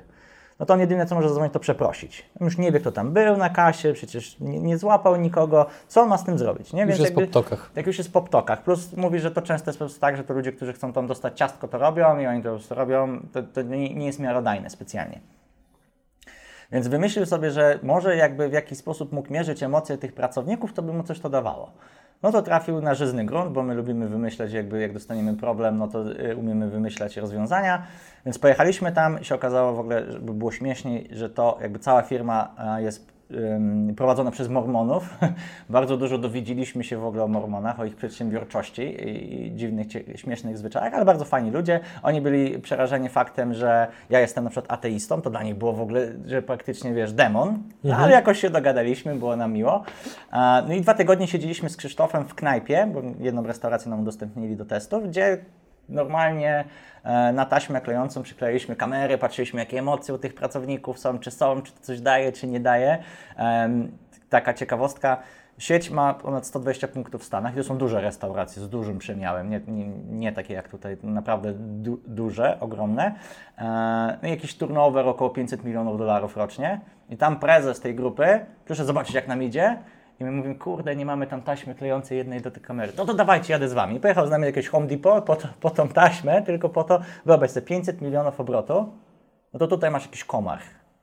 Nie? Mhm. Wyobraź sobie, że jedziesz e, z, Rysiem, z, Rysiem, z panem Filipiakiem, albo z Rysiem Krause do, do, do Castoramy po taśmę i mówi, tata, czy tam to będzie dobre? Nie? No, no, w ogóle byś, wiesz, pół roku byś próbował się na spotkanie wbić, jakby ci się udało, a tam to jest po prostu, nie ma tego dystansu, nie? To jakby taka dygresja. E, no i zrobiliśmy to, oni się tym zachwycili, zajarali, że ło, że działa, faktycznie w ogóle się okazało, że poszedł im przychód o 10% do góry, że negatywne recenzje czterokrotnie spadły. W tej konkretnej restauracji? W, w pięciu byliśmy konkretnie, pięciu, okay. pięciu, nie? I porównywaliśmy to do siedmiu innych, nie? Więc tam 8,7% przez 13 miesięcy średnio miesięcznie mieli więcej przychodu, były miesiące, gdzie 20% więcej przychodu, spadły negatywne recenzje, a obsłudze siedmiokrotnie napiwki wzrosły, nie? Więc, to, to są chore więc, liczby. Więc wszyscy, bo oni się po prostu zafascynowali, jakby ci ludzie zaczęli po prostu, zamiast robić swoją robotę, wiesz, tak jak w Macu, dzień dobry, proszę, tak, tutaj, może burrito, to powiedzieli, ej, skoro ja mam za to dostawać dodatki, za to, że jestem miły, bo nikt mnie dzisiaj za to nie rozlicza, no to why not? Nie, jeszcze sobie dorobię, więc oni dostawali dodatkowe napiwki, dostawali od firmy bonusy, firma miała większe obroty, nikt nie prze... a klient miał lepszą obsługę. I zjadali więcej kalorii. Tak. I, i wracaj częściej, bo mm -hmm, jakby mm -hmm. wracaj częściej, bo tam było miło. Nie? Mm -hmm. Game changer dla biznesu troszeczkę, nie? Tak. I oni stwierdzili, że to jest tak genialne, że oni w to inwestują, że oni chcą z nami spółę zrobić, że, że my mamy dostarczyć technologię, oni zbudują pro, produkt. My powiedzieliśmy OK, sypnęliśmy kasę, znaczy sypnęliśmy kwotę, ta kwota była dość duża. No i dużo na tym zarobiliśmy, tylko przez miesiąc mieliśmy takie, taką złotą. No, tam zarobiliśmy z milion w suchym. Mhm. Tak? Złotych tak? czy dolarów? Złotych. Złotych. Mhm. Ponad. To było około 37 tysięcy dolarów miesięcznie za nic. Za to, że my tego nie robimy. Mhm. I to było jakby czysty zysk, nie? Dodatkowo dostawaliśmy e, za development 60 dolarów za godzinę, czyli całkiem niezła stawka. E, I to było drugie tyle. Czyli generalnie robiliśmy produkt dla nich, mhm licencjonując naszą technologię, ale ogólnie polegli na tym totalnie. Nie, nie, nie robić produkt trzeba umieć. Oni trochę typu myśleli, że rzucą w to kasą, zatrudnią konsultantów okay. i oni to zrobią. Nie zrobili tego, nie wiem, jeździli do Polski sprzedawać to, bo ja tu miałem jakieś kontakty, mówiłem, po co w ogóle wy to sprzedajecie w Polsce, tam macie rynek. Nie, no wiem, ale bo tu duża grupa europejska, coś tam. No i co, przejedli parę milionów dolarów, głównie na nas. No i interes się zwinął, tak? No bo nie, nie, nie, nie potrafili zbudować produktu, który można sprzedawać. To jest właśnie to, co my świetnie potrafimy zrobić, szybko zbudować produkt. Ale my happy powiedzieliśmy, dobra, wy nie potraficie, to my to zrobimy.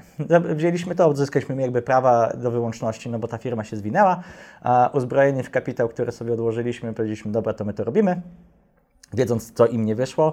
E, no i tak zrobiliśmy. E, wyszliśmy do kilku dużych polskich firm i się okazało, że pracownicy to nie bardzo chcą, żeby im emocje mierzyć. Polsce. Że to jest złe, że to jest, że to, no bo to w sumie jest dziwne, że twój szef ma wiedzieć, że ty jesteś smutny, zwłaszcza w korpo, albo zły. A mało tego, doszliśmy do wniosku, że ten szef to, jak on już wie, że ten pracownik jest smutny, to co on ma zrobić? Opieprzyć go, pocieszyć, zignorować, tak Pierwsze, pierwsze jakby takie wdrożenia pokazały, że to tak, tu, coś tu jest nie tak. To jest pokrzywdzony mhm. pracownik, bo on to sabotuje. Oni to kubkiem na przykład przysłaniali, z ściereczką, wyłączali, bo się bali po prostu. No i poszliśmy, kurczę, porozum do głowy, zrobiliśmy pauzę, powiedzieliśmy stop, tak to nie może być. Nie możemy mieć rozwiązania, w której ktoś jest poszkodowany. Więc na drodze oczywiście jakby dłuższych rozważań i, i kontaktów z rynkiem doszliśmy do wniosku, że zamiast kij, jakby robić systemu kija i marchewki, zróbmy system marchewki i nagradzajmy po prostu za uśmiech. Więc Quantum CX w swojej jakby takiej najnowszej, tej już jakby dojrzałej wersji robił prostą rzecz. Nagradzał pracownika za uśmiech w kontakcie z klientem i tylko nagradzał i dane były tylko jego i nikt, i szef ich nie widział I on po prostu dostawał punkty za każdy uśmiech w kontakcie z klientem. Punkty wymieniał na vouchery do Biedronki, Costa Coffee, RTV AGD, Zara, co tam chcesz. I na przykład sobie takie 50-100 zł miesięcznie za to, że się uśmiecha do klienta uzbierał. Z drugiej strony klient był nagradzany e, uśmiechem w stosunku do pracownika, wpłatą na cel charytatywny, który pracownik wybrał. Czyli ty jako pracownik mogłeś powiedzieć, ja zbieram na dom dziecka tutaj obok i kiedy ja przyszedłem jako twój klient, to moim uśmiechem deponowałem jeden grosz na twój cel charytatywny. Więc miałeś nie tylko incentyw, żeby ty, żebyś ty się uśmiechał, ale też klient miał incentyw, żeby się do ciebie uśmiechał.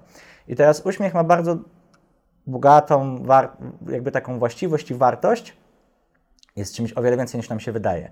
To podniesienie kącików ust działa dwojako, bo w środku nas odpala reakcję biochemiczną, bo jest coś takiego jak sprzężenie zwrotne, czyli my udając pewne emocje na twarzy, zaczynamy je czuć. To już Darwin opisał, ogóle bardzo dawno temu. E, Mimiczne sprzężenie zwrotne to się nazywa. Możesz spróbować sobie w domu, bo na kamerze to głupio wygląda, wsadzić ołówek w buzię na 3 minuty i zobaczyć, co się stanie w Twojej głowie. Zaczniesz normalnie czuć e, oksytocynę i endorfiny, bo po prostu Twój umysł zacznie wierzyć, że się uśmiecha. Więc jakby to samo zmieniało już Twoje nastawienie do tej osoby, skoro się do niej uśmiechałeś, To, co teraz mówisz, się jest uśmiechasz. fascynujące, dlatego się Tak. uśmiecham. Kontynuuj, proszę. E, I czujesz się, pewnie czujesz, jak to w ogóle wpływa na rozmowę, jak uśmiech rozluźnia. Jak, uśmiech jest w ogóle też ewolucyjnie naturalnym, naturalną oznaką dobrych intencji. Czyli jak sobie tam dwóch małpoludów, upraszczam, przepraszam za, za brzydkie słowo, się spotykało i nie potrafili za bardzo ze sobą komunikować za pomocą języka, jaki my mamy dzisiaj, i jeden się do drugiego uśmiechał, to, mu, to ten drugi komu, aha, dobra, to ty nie chcesz pałą zdzielić, dobra, luz. Nie? Bo jak się uśmiechamy, to mamy dobre intencje. Więc jakby wzbudza zaufanie, wzbudza poczucie kompetencji i lubienie. Więc to jest ta rzecz, która się dzieje na zewnątrz, jak obserwujemy osobę uśmiechającą się. Nie? To jest sygnał dobrej, dobrej woli, to jest sygnał zaufania, że ja mogę Ci zaufać, że Ty mi nie chcesz nic zrobić, Ty mi teraz nie chcesz niczego wcisnąć, zmanipulować, tylko masz dobre intencje. Więc wyobraź sobie, co się dzieje w relacji, kiedy ja czuję w sumie szczęście i zadowolenie, a Ty mi ufasz. Nie? Znaczy, Mhm. to, jest, to jest ta relacja, która buduje zajebisty customer experience. To jest ta życzliwość, to jest to, ta empatia, połączenie z drugim człowiekiem, która w wielu biznesach jest tak ważna, jak na przykład właśnie w restauracjach, czy hotelach, czy e, bankach nawet, tam gdzie jest kontakt człowieka z człowiekiem. Nie? Każdy z nas miał e, jakby na pewno doświadczenie z takim człowiekiem-robotem. Nic fajnego, nie? Jak dzwoni do nas na call center, mówi, no, chciałbym panu sprzedać i tutaj czytam z kartki. No to Bardzo skuteczny producent kortyzolu. tak, bardzo to, dokładnie, nie? No nic od czegoś takiego, od kogoś takiego raczej nie kupimy. Czujemy brak zaufania, frustrację, złość. Nawet, bo myślimy sobie, ty chyba chcesz mnie wydymać po prostu, nie? I, I to nie jest nic fajnego. A właśnie życzliwość i uśmiech to buduje, ale to jest taki nawyk, który trzeba sobie wyrobić. I ja stwierdziłem, że to narzędzie to będzie narzędzie do budowania nawyku uśmiechu. I tyle. I się udało faktycznie to wdrożyć e, w PKO BP i tam chwała jakby Departamentowi Jakości Obsługi Klienta, y, który zrozumiał tą ideę. E, I, I faktycznie mają bardzo fajnie, bardzo, mają y, bardzo fajne podejście do pracownika. Nikt tam nikogo nie zmuszał. E, Ci praco- wszystko było dobrowolne. E, Tym pracownikom się to niesamowicie podobało, no bo oni mogli za, po prostu za uśmiechanie się e, dostawać dodatkowe nagrody. Mało tego, klienci, którzy często przychodzili na muszeni, bo się nastał w kolejce i w ogóle, że on tu musi przyjść i wypłacić te pieniądze, nagle się zaczynali uśmiechać i to dawało pretekst do zupełnie innej rozmowy, więc ich praca stawała się milsza z tymi klientami. Co za tym idzie, atmosfera w ogóle w tym zespole stawała się inna, bo endorfiny generalnie krążyły u wszystkich, więc jak ktoś szedł na kawę na przerwę, no to nie był wkurwiony, bo go klient wkurzył, tylko był, ale fajnie, wiesz, mam dzisiaj super dzień. A ten drugi mówi, ja też. I to zupełnie in, inną budowało atmosferę w miejscu pracy. No i najpierw wdłużyliśmy się w czterech placówkach, a tam się okazało, że podnieśliśmy, e, tutaj o liczbach mogę mówić. No i w tych czterech placówkach okazało się, że poprawiliśmy wyniki, wyniki Mystery Shoppera. To były bardzo dobre placówki już, jeżeli chodzi o jakość, wytypowano takie jedne z najlepszych. I tam, o ile się nie mylę, z 85 punktów w skali 0-100 do 100.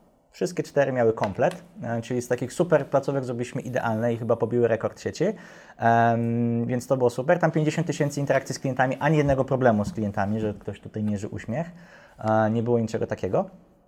I potem doinstalowaliśmy się chyba w 16 placówkach następnych, czyli razem około 20 mieliśmy, w tym e, franczyzowe. Mm, No i tam już wytypowano takie powiedzmy przeciętne placówki pod kątem jakości wyników. No i badanie Mr. Shopper z 50 średnio do 80, czyli o 30%. NPS o 6 punktów ponad resztę sieci. Czyli to jest mega dużo, jeżeli chodzi o, o, o- coś takiego. Oczywiście danych finansowych to już mi bank nie poda, ale też wiem, że tam pozytywnie e, w jakimś tam stopniu to wpływało na, na, na pewne transakcje. Natomiast testymoniale pracowników, no to było coś, co właśnie daje mi tego drive'a. No po prostu byli zachwyceni, e, bardzo im to pokazało, że uśmiech, mimo że mają 60 parę lat i idą na emeryturę, może zmienić ich życie, że, że dużo daje w relacjach międzyludzkich, że można się uśmiechać nawet jak się ma problemy, że to nie jest tak, że jak jestem osobą nieuśmiechniętą zawsze, to już nigdy nie będę, że to wpływa na relacje po prostu i warto. I to, i to było super. Natomiast później przyszedł, i to jest ta jasna strona, teraz a teraz będzie ciemna strona tego biznesu. No i to wszystko szło jak burza. Nagle zaczęły się odzywać kolejne firmy. Wszyscy nagle, że poszli do, ja mówię do każdego, to wiecie co, idźcie sobie do tamtego oddziału w Warszawie, wróćcie i powiedzcie, co myślicie. I każdy wraca, kurde, jaka tam jest atmosfera w tym banku. W ogóle w tym banku panie sobie popklejały wszystko naszymi takimi naklejkami z uśmiechu, same z siebie, żeby sobie przypominać. Bo jak ja odbieram telefon i widzę tutaj naklejkę z uśmiechem, to ja się od razu uśmiecham. Jak sobie kseruję, to sobie uśmiecham. No, czy takie ambasadorki się zrobiły. E, I, I nagle pewnego dnia ktoś mówi, ty patrz, jesteśmy na kwejku. I tam jest nasze rozwiązanie, że typu, o, gdzieś tam się liczy uśmiechy. O, fajnie, w ogóle wiesz, typu, zawsze chciałem być na kwejku. No i mije jeden, dwa, trzy dni i pojawia się gdzieś kolejny artykuł i kolejny. I one wszystkie zaczynają się robić coraz bardziej takie sensacyjne. A że bank tam mierzy uśmiechy tych pracowników, pewnie dociska i robi im KPI, nie? A że bank tutaj namawia pracowników do tego i tamtego, że jak to można mierzyć uśmiechy. No i zaczęła, i w tych tabloidach zaczęła się pojawiać sensacja, że bank PKO zmusza pracowników do uśmiechu. Ktoś to w ogóle, przez, że Black Mirror, że już w ogóle wiesz, weszliśmy w ten scenariusz, że ludzie sobie dają lajki i tu już jest w ogóle bez Twojej wiedzy wszystko, nikt tego nie skumał w ogóle, znaczy nie, nie wszedł to, tylko zrobił sensację, nie? No to jak to korpo na takie rzeczy robi i trochę, wiesz, paraliż następuje, no bo jest jakaś afera. Nikt tam nie chce znowu stracić stołka, że jest afera. Więc to jakby był, było pewnym ciosem, no ale dobra, powiedzieliśmy sobie, dobra, przeczekamy, minie, wypali się temat. No i tak się stało potem po dwóch, trzech miesiącach, chociaż też taka akcja, jadę sobie na urlop w góry, dostaję telefon, słuchaj, Rzecznik Praw Obywatelskich się zainteresował tematem i interweniuje, że to jest nieludzkie. Że, Grubo. Że, że, grubo, nie? Jesteś na urlopie i nagle dostajesz pismo, że Rzecznik Praw Obywatelskich Bodnar się generalnie tematem interesuje i, i, i coś jest na rzeczy. Ty mówisz, kurde, dobra. No to mówię, spoko, to będzie szansa wytłumaczyć, że nie ma się czego bać, bo faktycznie jakby wszystkie te zarzuty są nieprawdziwe po prostu. Tam pracownik sam sobie decydował, generalnie on musiał to włączyć świadomie każdego dnia, żeby to działało. On to decydował się włączać, a, a, a, a na, nastąpiło coś takiego, co, ja się, co, co oni sami od jednego z pracowników usłyszałem sfrustrowanego, że mu tam wchodzą ludzie do łóżka i próbują mu sami zrobić dobrze, nie? że jakby wypowiadają się w jego imieniu, że on jest biedny i krzywdzony, kiedy on nie jest biedny i krzywdzony, nie? ale szukają sensacji na siłę. Em, więc jakby mówię sobie, okej, grubo. No i tam się zaczęła już polityczna batalia, bo prezes PKO gdzieś tam jakby z tym Bodnarem tam zaczęli, od- odpisał mu, mu listem dość oficjalnym, swoją drogą bardzo fajnie napisany. Em, potem była konferencja prasowa, Bodnar nasłał inspekcje, dwadzie- chyba 10 inspekcji y, i z, z czyli z, tam, z prezesa Urzędu Ochrony Danych Konsumenckich, czyli takiej gości od RODO e, i z inspekcji pracy, aczkolwiek te inspekcje wykazały, że nie, nie ma żadnego problemu. Także więc generalnie suma summarum skończyło się dobrze, no ale co stresu najadło, to najadło. E, dalej bank się później bał, że no ale to wiesz, jak, jak, jak rozszerzymy, to będzie znowu i, i tak dalej.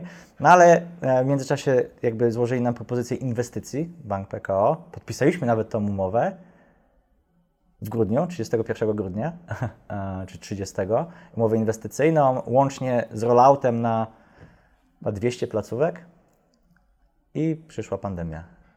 Oła. I ludzie zaczęli nosić maski. I nie widać uśmiechu. A, więc to już jakby totalnie dobiło po tym jakby kryzysie PR-owym, z którego jeszcze jakoś by się dało wyjść. Mi się wydaje obronną ręką. A, ale no na dzień dzisiejszy, dzisiaj, gdzie we wszystkich czy restauracjach typu fast food, czy nawet kawiarniach, czy bankach jest po prostu nakaz noszenia maseczek. Może tam ludzie go często nie noszą, to nie noszą, ale no jest taki nakaz, więc generalnie oferowanie na dużą skalę produktu, który odczytuje uśmiech, którego nie widać, jest no, dzisiaj bez sensu. Jestem pewny, że za parę lat to będzie miało sens, jak już jakby sytuacja się unormuje i wrócimy do pewnej. Też nastroje nie są takie do uśmiechania się, mam wrażenie, po tej całej pandemii jeszcze. Ale to jest kryzys jak każdy mhm. kryzys, co 7-10 lat. Ten minie, zapomnimy o nim i znowu będziemy pożądać kontaktu z człowiekiem dobrej jakości obsługi klienta. I na wtedy to jest fajny produkt. No i stąd moje pytanie, powiedziałeś, że jeszcze się tym zajmujecie, tak. czyli słowo jeszcze zakładam, że wskazuje, że jesteście raczej bliżej końca niż dalej. I tutaj od razu jakby po pierwsze, mhm. czy, czy to jest prawda, że jesteście bliżej końca niż dalej? I dwa, czy nie jest Ci troszeczkę szkoda właśnie poczekać na ten moment, gdzie nagle się może okazać, że rozwiązanie, które stworzyliście, stanie się standardem praktycznie nie tylko w bankach, ale w większości punktów mm. obsługi klienta? E, świetne pytanie. W sensie zajmujemy się tym jeszcze, ponieważ faktycznie mamy projekty, które realizujemy z klientami i one się odbywają i gdzieś tam mimo całej tej sytuacji one są, ale one są takie, no powiedzmy, symboliczne, e, więc mamy tam jeszcze trochę pracy. E, natomiast doszliśmy do wniosku, że no właśnie to jest ta realizacja, gdzie ja doszedłem, a może właśnie znowu się powtarza ten cykl. Może już Ty swoją pracę wykonałeś, Ty stworzyłeś koncept, Ty go przetestowałeś, wiesz, że on ma sens, Trochę tak jakbyś opisał pewne zjawisko i mnie to już dalej po prostu mówiąc wprost nie jara. Mhm. I, i, I doszliśmy do wniosku, że my jesteśmy dobrzy w wymyślaniu konceptów, w zaczynaniu, ale teraz czeka nas albo dwie drogi. Albo to sobie umrze śmiercią naturalną, albo dam szansę, żeby to faktycznie było tym standardem, o którym mówisz. I tu jest jakby mój message do Was. Jeżeli jest ktoś, kto chciałby coś takiego wziąć pociągnąć dalej, oczywiście z odpowiednią opłatą i zyskiem dla nas jako zespołu, to ja jestem otwarty, no bo po prostu ja odkryłem sobie, że mnie nie grzeje skalowanie biznesu, mnie grzeje zaczynanie biznesu. I są firmy, instytucje, osoby, które potrafią skalować, mhm. ale nie potrafią zaczynać. I ja po prostu potrzebuję zbudować wtedy takie partnerstwo, bo wierzę, że to będzie miało sens, bo to już wielokrotnie udowodniło, że jest zyskowne dla tych firm, jest zyskowne dla pracowników, czyni z pochmurnych Polaków uśmiechniętych nagle. Ma to też zastosowanie na call center, tak samo, bo uśmiech przez słuchawkę świetnie słychać tak naprawdę i też motywuje ludzi do tego. W e, podcastach się... też słychać świetnie uśmiech. Też w podcastach świetnie słychać uśmiech, to prawda. Um, więc ja już myślę o czymś innym, ale to jest zbyt fajna rzecz, żeby to po prostu zabić tak, jak kiedyś to bym zrobił, więc dzisiaj po prostu skupię się na tym, żeby przekazać to w dobre ręce, że moja rola to nie jest zbudować biznes, rozbudować biznes i umrzeć z tym biznesem. Tak jak trochę tak się, taką, tak się ma wizję takiego założyciela, nie? Steve'a Jobsa trochę. Zaczyna w młodym wieku, buduje, roz, rozbudowuje i umiera jeszcze z tym swoim produktem w ręku. No to i pewnie niektórzy tak mają i to jest mhm. spoko, a ja jestem bardziej na zasadzie zaczynać. No ile to jest unikatowe rozwiązanie w skali globalnej? No nie ma takiego rozwiązania. W sensie są półkomponenty, bo my stworzyliśmy tak, technologię do pomiaru emocji i takie technologie są. mają Amerykanie, mają Szwajcarzy, pewnie Chińczycy. E, ale my stworzyliśmy do tego, raz, że tą technologię dopasowaliśmy pod to konkretne zastosowanie, czyli w retailu, gdzie chodzą ludzie, gdzie jest wielu ludzi, gdzie często jest światło, które nam pada e, w południe do, do środka, e, gdzie ludzie ten sensor, który e, stawiamy na biurku wielkości karty kredytowej, często szturchną, więc jest na przykład taka przystawka magnetyczna, że jak nawet go szturchną, to on wpadnie z powrotem na właściwe miejsce i będzie mógł obserwować. Żeby działał w, w czasie rzeczywistym, bo to też nie jest takie proste. Microsoft to ma, ale ty musisz do niego wysłać wideo na serwer i on ci dopiero powie za jakimś, po jakimś czasie, mhm. czy tam był uśmiech, czy nie. Więc jakby, jeżeli chodzi o połączenie połączenie tych komponentów, na przykład obudowę mamy wzór i drukujemy 3D. Zamykamy w środku kamerę i to jest jakby cały nasz patent, to jest na takiej podstawce magnetycznej, a teraz zrobiliśmy jeszcze nową wersję z wyświetlaczem takim e-ink i, i uosobowaliśmy cały ten przedmiot, cały ten sensor, nazywa się Miłek od bycia miłym, a ma postać takiego misia i komunikuje się za pomocą, e, z Tobą za pomocą takiego e-inka, że jak Ty się uśmiechniesz, mhm. to on się uśmiechnie, ma taką diodę, która się podświetla, kiedy Ty się uśmiechasz, więc jakby stworzyliśmy produkt, który zawiera i technologię analizy obrazu pod kątem emocji, dopasowaną do retailu czasu rzeczywistego i taniości sprzętu, bo to chodzi na bardzo, na komputerkach za 1000 zł, i obudowę, czyli jakby fizyczny produkt, ten sensor, który się stawia na biurku i całą koncepcję produktową, czyli jak to jest zgamifikowane w środku, że ten pracownik te punkty zbiera, odbiera nagrody, dostaje tam wyzwania, widzi ile uzbiera na cele charytatywne i tak dalej. Czyli jest cały biznes model, jest sprawdzony, dostarcza wartość, nic tylko przeczekać pandemię i skalować. Ja tu tak dopytuję i jednocześnie trzymam kciuki, żeby ktoś taki się znalazł. Przede wszystkim ktoś właściwy. Tak. Bo ja od wielu lat jestem takim wręcz fanatykiem obsługi klienta, mhm. która wydaje mi się, że między innymi z powodu tego, że kapitalizm w Polsce jest stosunkowo młody, Tak. to wciąż troszeczkę na nas Tak. ciąży takie powiedzmy piętno poprzedniej epoki, Tak. gdzie no, ludzie nie zawsze są wobec siebie mili, Tak. co jak zaczyna się zmieniać, między innymi ostatnio jak byłem właśnie u stomatologa, to okazało się, że jest to e, fachowiec rok młodszy ode mnie, co Aha. było dla mnie pewnego rodzaju zask- zaskoczeniem, Tak. bo nigdy tego nie Jesteśmy doświadczyłem. już w tym wieku. Niestety. Tak. I też jakby zobaczyłem, że następuje zmiana pokoleniowa, bo on był bardzo Tak. serdeczny, bardzo życzliwy, uśmiechnięty. I ja też poprzednią swoją firmę dość mocno oparłem na tym, że razem z ówczesnym wspólnikiem bardzo mocno skupiliśmy się na wyjątkowej obsłudze Tak. klienta, która wiem, że do dzisiaj w tej firmie jest kultywowana i podtrzymywana i to pozwalało Tak. mieć naprawdę stawki powyżej stawek rynkowych Tak. i ogromne zadowolenie klientów. Tak. Dlatego to być może będzie trochę przesadne porównanie, bo jakby wiem, że, że, że Polacy cenią sobie skromność, ale nie chciałbym, żeby z Waszym rozwiązaniem stało się to samo, co z grafenem. Okej. Bo to, co, jeżeli to jest faktycznie uni- unikatowe w skali globalnej, to uważam, że w samej Polsce, gdyby tylko to działało, to ta firma może być warta kilkadziesiąt, jak nie kilkaset milionów, biorąc Tak. pod uwagę, że obsługa klienta jest niezbędna w każdym biznesie, a patrząc globalnie, to to już są w ogóle jakby liczby astronomiczne. Nie, i myślę, że to sprzedamy, y, sprzedamy to właśnie komuś za granicę. Zobaczymy, może się w Polsce ktoś znajdzie, może sprzedamy to za granicę, bo tam faktycznie jakby świadomość tych rzeczy jest większa. W Polsce moim zdaniem jest większy opportunity, no bo jeszcze jest cały czas ten customer experience jest do zrobienia i on będzie przewagą. W Stanach już Tak. dzisiaj się nie konkuruje produktem, na przykład w restauracjach. Każdy ma burgery, burrita, nic nowego, ale tym, jaki jest klimat w restauracji. Nie? Idziesz tam nie, gdzie jest lepsze jedzenie, bo wszystko ma to samo, każdy ma to samo, tylko tam, gdzie jest milej. I tam to po prostu już jest wymóg, a u nas jeszcze może być przewaga konkurencyjna. Nie? Jeszcze, jeszcze się tego uczymy. Plus fajnie powiedziałeś, bo ty jesteś świadomy i, i budujesz biznesy świadomie i wy potraficie zbudować jakość obsługi klienta, ale mówimy o biznesach, które, no mówmy się, zatrudniają młodych ludzi. McDonaldy, kawiarnie, hotele na recepcjach. Tam, tam ten pracownik nie ma takiej świadomości, że trzeba być miłym, życzliwym. Ktoś mu to powiedział na szkoleniu, ale on jeszcze za mało przeżył. To nie jest jego biznes, on tu popracuje rok, to jest, wiesz, z studentem, on chce coś innego robić, on tutaj się nie będzie napinał, żeby teraz się uśmiechać do każdego klienta, ale jak mu dasz powód, żeby to robił, to będzie. Nie? Więc jakby to jest też bardzo fajne, głównie rozwiązanie nie dla speców, którzy wiedzą, jak to robić, tylko dla ludzi, którzy muszą duży, dużą ilość ludzi po prostu utrzymać w takiej dobrej jakości obsługi klienta. Czyli właśnie tam, gdzie jest po prostu sieciówki, banki, wiesz, tego typu miejsca, telekomy, gdzieś, gdzie jest dużo ludzi, a oni niekoniecznie są zaangażowani. Mhm. Jak, jaka jest cena wywoławcza za Wasz biznes? Dzisiaj nie mam pojęcia. No tak jakbyś miał rzucić, to ile byś rzucił? Na dzień dzisiejszy Aha. parę milionów euro. Parę to jest bardziej dwa czy bardziej dziewięć? Bardziej dwa, Okej. ale nie dwa. Ale więcej. No, ale bardziej dwa, no. Dobra, to teraz jeszcze o, o, zapisałem sobie i obiecałem, że ten wątek poruszymy. Mm, kwestia depresji. No. Jak to w ogóle przyszło i jak z tego wyszedłeś? Jak zacząłeś to kontrolować?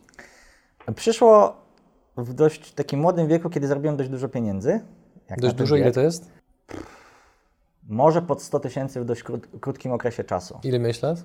21, 22. Mhm, to to już jest to, jest, 23. to jest przyjemna kwota w tym wieku. Tak, tak, tak, tak. Dość, dość, dość duża. A, Pod, myślę, że troszkę mniej, ale jakby to, ja myślałem, że to mi da szczęście. Mhm. Nie? W sensie wpadłem w coś, co później często ludzie, kupiłem sobie cabrio, wiesz, takie, takie bajery, kupiłem sobie mieszkanie, tak było nie głupie, E, ale ogólnie kupiłem sobie cabrio, jadę w tym cabrio i mówię, kurde, ale no, no, nie jestem szczęśliwy, nie? No, Co jest nie tak? No, mam to, co chciałem, zarobiłeś, zarobiłeś, masz to, masz to, no to co jest grane? I jakby to gdzieś tam otworzyło we mnie patrzenie na inne rzeczy, że, że jednak ten, taki, taka, taka obietnica świata, że jak po prostu to kupisz, to będzie dobrze, coś, co dzisiaj wydaje mi się oczywiste i na zasadzie da, jak mogłeś tak myśleć, to jednak wtedy nie było takie oczywiste i zacząłem odkrywać w ogóle całe, całe przestrzeń w ogóle emocji we mnie, które były wypierane z jakiegoś powodu, bo na przykład nie chciałem się do tego przyznać. No, sprowadziło na mnie po prostu taki lęk i depresję. Na zasadzie, że wszystko jest bez sensu, brak poczucia w ogóle celu. I dziś się z tym bujałem przez 2-3 lata. E, Stąd w ogóle wyszło moje zainteresowanie psychologią, ponad technologią, bo z wykształcenia i w sumie z zamiłowania wcześniej byłem programistą. Do dzisiaj sobie czasami pokoduję for fun, ale w tym momencie jakby na podstawie mojego problemu za, zaczęło się bardzo duże zainteresowanie psychologią. Em, I też dlatego Hawariu, nie? czyli mierzenie nastroju. Chciałem bardziej zrozumieć to zjawisko. Czemu ja się czuję tak, a nie inaczej? Z czego to wynika? Jaki jest mechanizm? I po raz kolejny coś pozornie negatywnego popchnęło Cię Tak. w bardzo dobrym kierunku, bo właściwie zarządziłeś tą energią, która Tak. się pojawiła. Tak. I to jest jednak, to nie jest bania luka i to nie jest głupota, że jakby to przeszkoda jest drogą. Nie? nie ma czegoś takiego, że my się budzimy i Mądre życie zdanie. nam płynie z płatka i, i, wychodzą nam plany. Tak to nie działa. Przeszkoda, każdy challenge, każda frustracja to jest właśnie Twoja droga. To właśnie tam powinieneś być, ją pokonać, bo to pokonanie jej Cię prowadzi dalej. Więc nie łam się, że Ci nie wychodzi, nie łam się, że Ci biznes nie wyszedł, nie łam się, że masz depresję, potraktuj to jako po prostu, to jest przeszkoda do wzrostu. I taka jest prawda, nie? No bo jak się bym poddał, no to bym się poddał, był nieszczęśliwym człowiekiem i generalnie pewnie nic mądrego dla świata nie zrobił. To jest strata dla świata, no i dla mnie. Nie? Co komu z tego dobrego, że ja bym się tam w samoużalaniu y, jakby utopił, nie? Więc, mm, więc wyszedłem w taki sposób, że poszedłem na terapię i, i pracowałem nad sobą. Chciałem zrozumieć to zjawisko. Y, Odnalazłem pewien sens i wtedy powstało jakby quantum, czyli moje takie, w sumie powiedziałem sobie, kurde, ja bym tak chciał pomóc innym, którzy mają takie problemy jak ja. Nie? Którzy się źle czują. Jak mogę zrobić, żeby się ludzie czuli lepiej? No stary, masz wiedzę z zakresu technologii, jesteś programistą, wiesz jak to działa, nagle pojąłeś, jak mniej więcej działa psychologia, połącz to jakoś i daj to innym, nie? Może trochę im pomożesz. E, Bo generalnie psychologia sobie, to są, jak myślimy psychologia, to nam się od razu badania jakieś yy, pokazują, jakieś, wiesz, tomiska, profesor na, na akademię albo kozetka. A jak myślimy technologia, no to myślimy, wiesz, systemy, procesy i tak dalej. I teraz normalny Kowalski, żeby skorzystać z technologii, no to, znaczy z psychologii, no to albo kupi książkę, albo pójdzie na terapię. Najczęściej nie robi ani jednego, ani drugiego. A ja pomyślałem, że technologia jest świetnym aplikatorem pewnej wiedzy do życia. Bo nagle coś, coś bardzo skomplikowanego staje się prostego, mam to w telefonie i mogę sobie to robić siedząc na klopie, nie? Więc pomyślałem, że to jest świetne medium do aplikowania w ogóle tej wiedzy do naszego codziennego życia i w taki sposób mogę wpłynąć na dużą ilość osób. No jak spojrzysz, no to Quantum de facto, przynajmniej w zamyśle, jest tym. Ma nauczyć bardzo dużą ilość osób uśmiechania się, czyli trochę innego podejścia do siebie i świata, które zmienia percepcję na bardziej pozytywną. To jeszcze dwa pytania na koniec. Pierwsze, być może trochę bardziej rozbudowane, drugie, być może zas- zaskakujące. Pierwsze, trudno się sprzedaje biznesy, które się buduje? Co jest, Emocjonalnie? co jest, jakby spójrz na to dowolnie jak chcesz. Bardziej mi chodzi o to, żebyś wypowiedział się pod kątem tego, że załóżmy, że ten wywiad zainspirował kogoś do takiego właśnie przeramowania swojego myślenia, że może faktycznie nie muszę iść w kierunku budowy stuosobowej firmy, bo być może ja tę firmę obecną chciałbym już sprzedać i zająć się czymś innym. Natomiast no teraz naturalnie kolejnym pytaniem jest, ok, ale jak mam to zrobić? To, to jest trudne, to jest łatwe, jak do tego się w ogóle zabrać? Okej, dobra. To najpierw czy trudno? I, bo tutaj jest też zagrożenie, nie? Bo jeżeli ty nie jesteś osobą, którą, która lubi zaczynać i ty zbudowałeś firmę i ona działa i teraz myślisz sobie, może ją sprzedam, a nie bardzo cię grzeje to zaczynanie, to może nie sprzedawaj, bo może to jest najlepsze miejsce i najlepszy, y, naj, najlepsze, co zrobiłeś, nie? I, I bez sensu sprzedawać, bo może nie będzie ci tak łatwo zrobić drugiego po prostu i się zamęczysz przy tym, nie? I powiesz, kurde, po co ja tam to sprzedawałem? Fajne miejsce pracy dla mnie, działało, robiłem to, co lubię, a teraz generalnie no, nie idzie mi.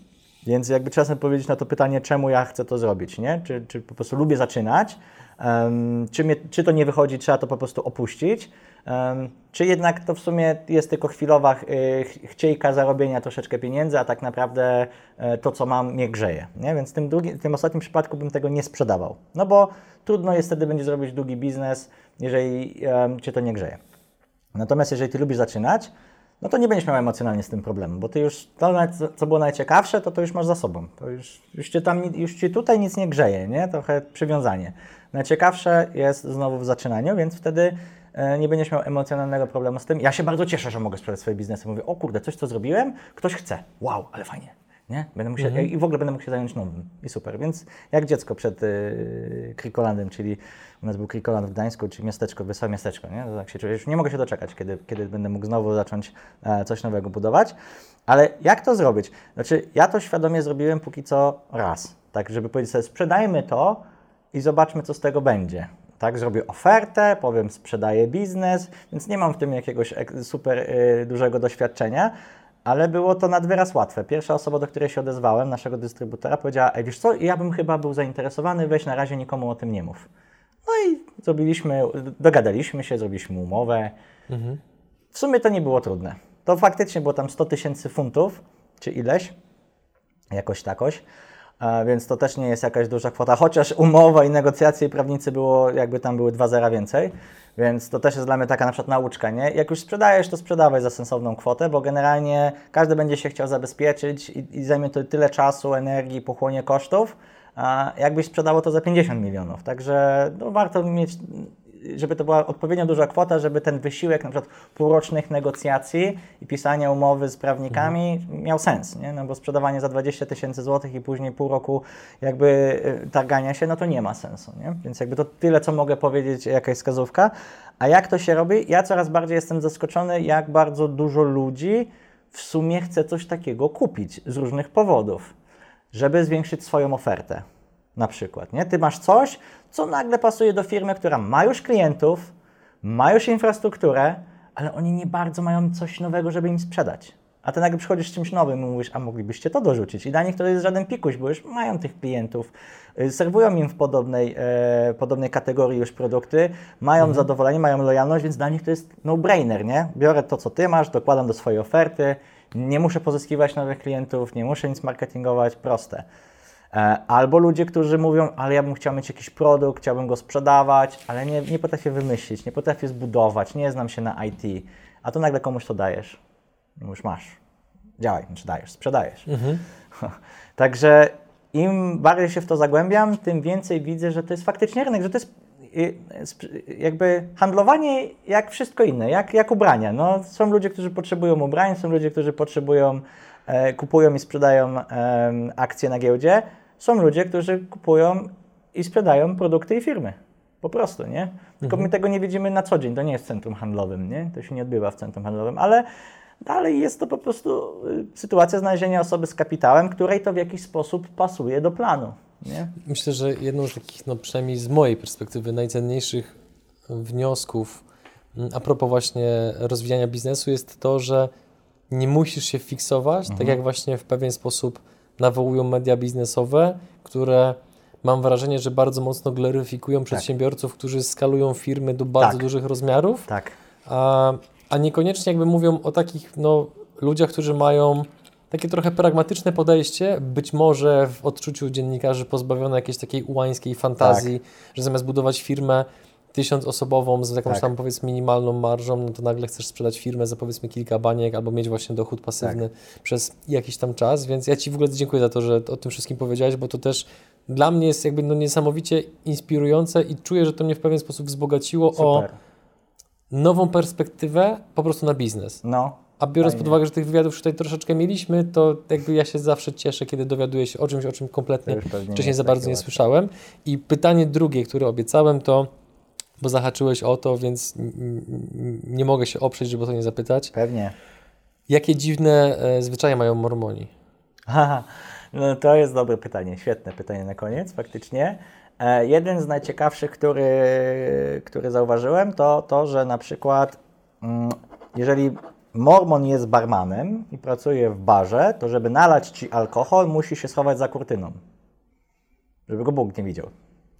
Także normalnie w barze wchodzisz do baru i mówisz na przykład poproszę browara i on idzie do taką kurtynkę specjalną, nalewa ci browara i wraca z tym browarem na przykład. I to jest na przykład me- mega dziwne. Albo, i to jest jakby wymusz, bo faktycznie w stanie Utah większość ludzi jest mormonami, więc generalnie przechodzi bardzo dużo przepisów nawet w związku z tym. I na przykład w Utah nie zamówisz alkoholu, jeżeli na rachunku nie masz też jedzenia. Nie kupisz O. sobie browara. Musisz, dla, dlatego musisz mieć na przykład chipsy. I to jest właśnie też jakoś związane z ich e, religią, w jakiś sposób wymuszone to jest mm, e, przez prawo właśnie stanowe. To jest specyficzne. No nie piją kawy, nie piją Red Bulli i tak dalej, i tak dalej. W ogóle są tacy bardzo abst- abstynenccy, jeżeli chodzi o cokolwiek. E, odkład- dają 10% przychodu, przychodu na kościół.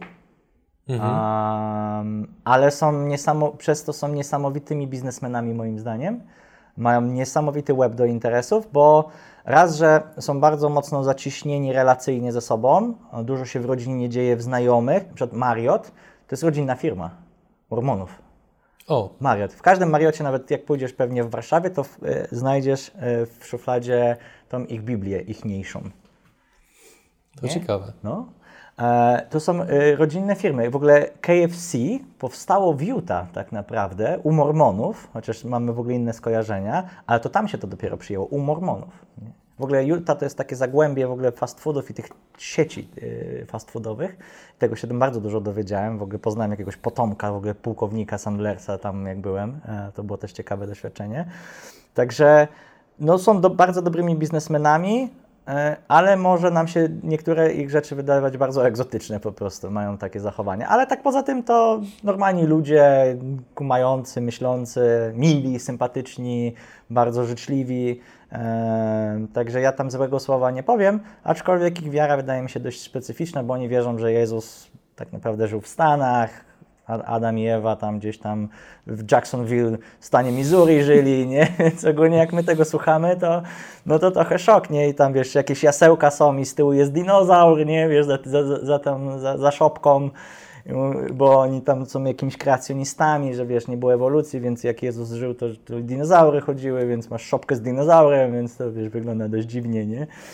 E, no ale no, świat, no i różnice, nie? Na tym polega piękno różnorodności, Dokładnie, prawda? dokładnie. E, na koniec powiedz proszę, gdzie można znaleźć kontakt do Ciebie, do Waszej firmy, jak się z Wami skontaktować? Dobra. Do mnie można wejść na, na stronę mojego podcastu, do którego też zapraszam. Nazywa się Przez nawyki do celu i tam trochę sobie opowiadam o takich mądrościach, które mi się gdzieś udaje w międzyczasie zrozumieć i spróbować przekazać, ale od razu mówię, ekspertem nie jestem, bardziej takim staram się być eksperymentatorem. Słucham i polecam. wychodzi. O, dziękuję. I y, prosty adres pndc.pl przez nawyki do celu.pl. E, A jeżeli chodzi o Quantum CX, no to na quantum.cx, e, czyli e, CX od Customer Experience, tam jest kontakt, e, można się odezwać, można zadzwonić, najlepiej napisać maila, tak byłoby chyba najlepiej. Jak oceniasz wrażenia z wywiadu ogólnie? No petarda, mam tylko wrażenie, że zagadałem tych ludzi, którzy oglądają ten film, ale spoko, jeżeli wytrwali do tego momentu, to dzięki w ogóle super, y, że chciało Ci się tego posłuchać, mam nadzieję, że coś Ci to dało. Bardzo fajnie, y, polubiłem Bydgoszcz. No i pięknie, no, no to nie mogliśmy inaczej skończyć lepiej. Ja Ci bardzo dziękuję, że e, przyjąłeś zaproszenie, że odwiedziłeś nasze studio. E, Cieszę się, że porozmawialiśmy tak długo, bo jakby no, mam wrażenie, o czym już dzisiaj mówiłem, że mm, młody wiek kapitalizmu w Polsce Tak. powoduje, że wydaje mi się, że im my wszyscy przedsiębiorcy bardziej się zaangażujemy w dystrybuowanie wysokiej jakości wiedzy, która Tak. której jakość ja inter, interpretuję przez pryzmat doświadczenia moich gości, no to im będziemy to bardziej dy- dystrybuowali, tym tak naprawdę szybciej wykształcimy kolejną generację, kolejne pokolenie przedsiębiorców, no bo jak wiemy, jeżeli z całej układanki społecznej byśmy wyjęli przedsiębiorców, to takie eksperymenty już Tak. były robione na świecie. Nie słyszałem, żeby kiedykolwiek skończyły się, udały, dobrze, tak, dobrze, więc no. im szybciej wszyscy zrozumiemy, że biznes i sektor prywatny to jest gałąź, na której wszyscy razem siedzimy, tym wydaje mi się, że e, szybciej wszyscy zyskamy. Więc y, to ja Ci przede wszystkim dziękuję Bartek za, za Twój czas. Dopowiedziałbym do tego jedną rzecz. Proszę. że tak sobie myślę, że jednym z dużych problemów, które przedsiębiorcy mają, to że my się nie mamy od kogo uczyć. Nie? Bo tego e, budowania firm to raz, że ciężko jest opisać w książkach, bo te tomiska o zarządzaniu, to, to umówmy się, to dzisiaj to jest nieaktualne i to nie, niewiele, niewiele ma z sensem. Spoko, jak zarządzasz Coca-Colą, to, to jasne, ale większość z nas nie zarządza Coca-Colą. E, więc my nie mamy się od kogo uczyć, nie? Raz, że no nie pójdziesz do jakiegoś, do konkurencji, bo on ci powie spadaj, nie, nie będę z tobą gadał. E, inny ci powie, w ogóle nie, jeszcze mi ukradniesz pomysł i w ogóle zabierzesz. Jest taka mentalność, że żeby zarobić, to ja muszę zabrać, nie? Taka niedostatku. A moim zdaniem jest odwrotnie, że jak wszystkim będzie lepiej, to wszystkim będzie lepiej po Bo prostu. mnożenie następuje poprzez dzielenie. Tak, dokładnie. Więc jakby macie też fajną taką, taki aspekt edukacji tych ludzi od faktycznych praktyków, a nie z tych właśnie tomisk, bo to jest mega ważne. Czasami, żeby zobaczyć, że ej, inni też mają problem ze zwalnianiem ludzi, to może dla niego też to nie jest przyjemne, to nie jest ze mną coś nie tak. Ej, jemu też nie wyszło pięć biznesów, to może ja się nie poddam. Tego nie ma. Są tylko te wszystkie sukces story, wiesz, ten zarobił, ten zarobił, ten zbudował, ten, ten jest super, tamten zatrudnia tyle ludzi, a nie tyle. To jest, I wtedy, kiedy jakiś normalny przedsiębiorca próbuje, to on ma bardzo duże wrażenie nieadekwatności, że on jest jakiś do bani, bo on słyszy tylko te dobre rzeczy, nie słyszy tych złych, tych jak w życiu, no jest zawsze czarno i biało, nic nie jest idealne. I to jest bardzo ważne, że, żeby dawać odwagę tym y, nowym przedsiębiorcom i istniejącym, że ich porażki, ich błędy, ich trudności nie są niczym niezwykłym i oni też się mają i tak sobie z nimi radzą. Spróbuj ty też, nie? Zgadzam się, zgadzam się. Jakby dlatego przesłanie dla wszystkich, którzy oglądają bądź słuchają, jeżeli jesteście przedsiębiorcami, to wiedzcie, że jesteście super ważni dla całego społeczeństwa Tak. i gdyby nie wy, to w Polsce by nie było tak kolorowo, gdzie Tak. jeżeli wam się wydaje, że nie jest zbyt dobrze, zapraszam Jest. na wycieczkę na wschód Tak. na przykład, żeby sobie porównać, e, ale to już jakby nie przedłużajmy. Coraz bardziej nawet na zachód możecie sobie pojechać i sobie Albo. porównać. Albo więc I tu Bartek, jeszcze raz e, dziękuję Ci za nagranie. Dziękuję. A Was, drodzy widzowie, zachęcamy do zapisywania się na nasz newsletter, gdzie na bieżąco będziemy informowali o nowych odcinkach. Dołączyć do naszej grupy na Facebooku. Stosowne linki są oczywiście w opisie filmu. A jeżeli jeszcze nie, subskrybu- nie subskrybujecie naszego kanału, to to jest bardzo dobry moment, żeby to zmienić. Czerwony przycisk i dzwoneczek, jeżeli chcecie mieć powiadomienia. Kłaniam się nisko i do zobaczenia w kolejnym odcinku. Cześć. Uszanowanie.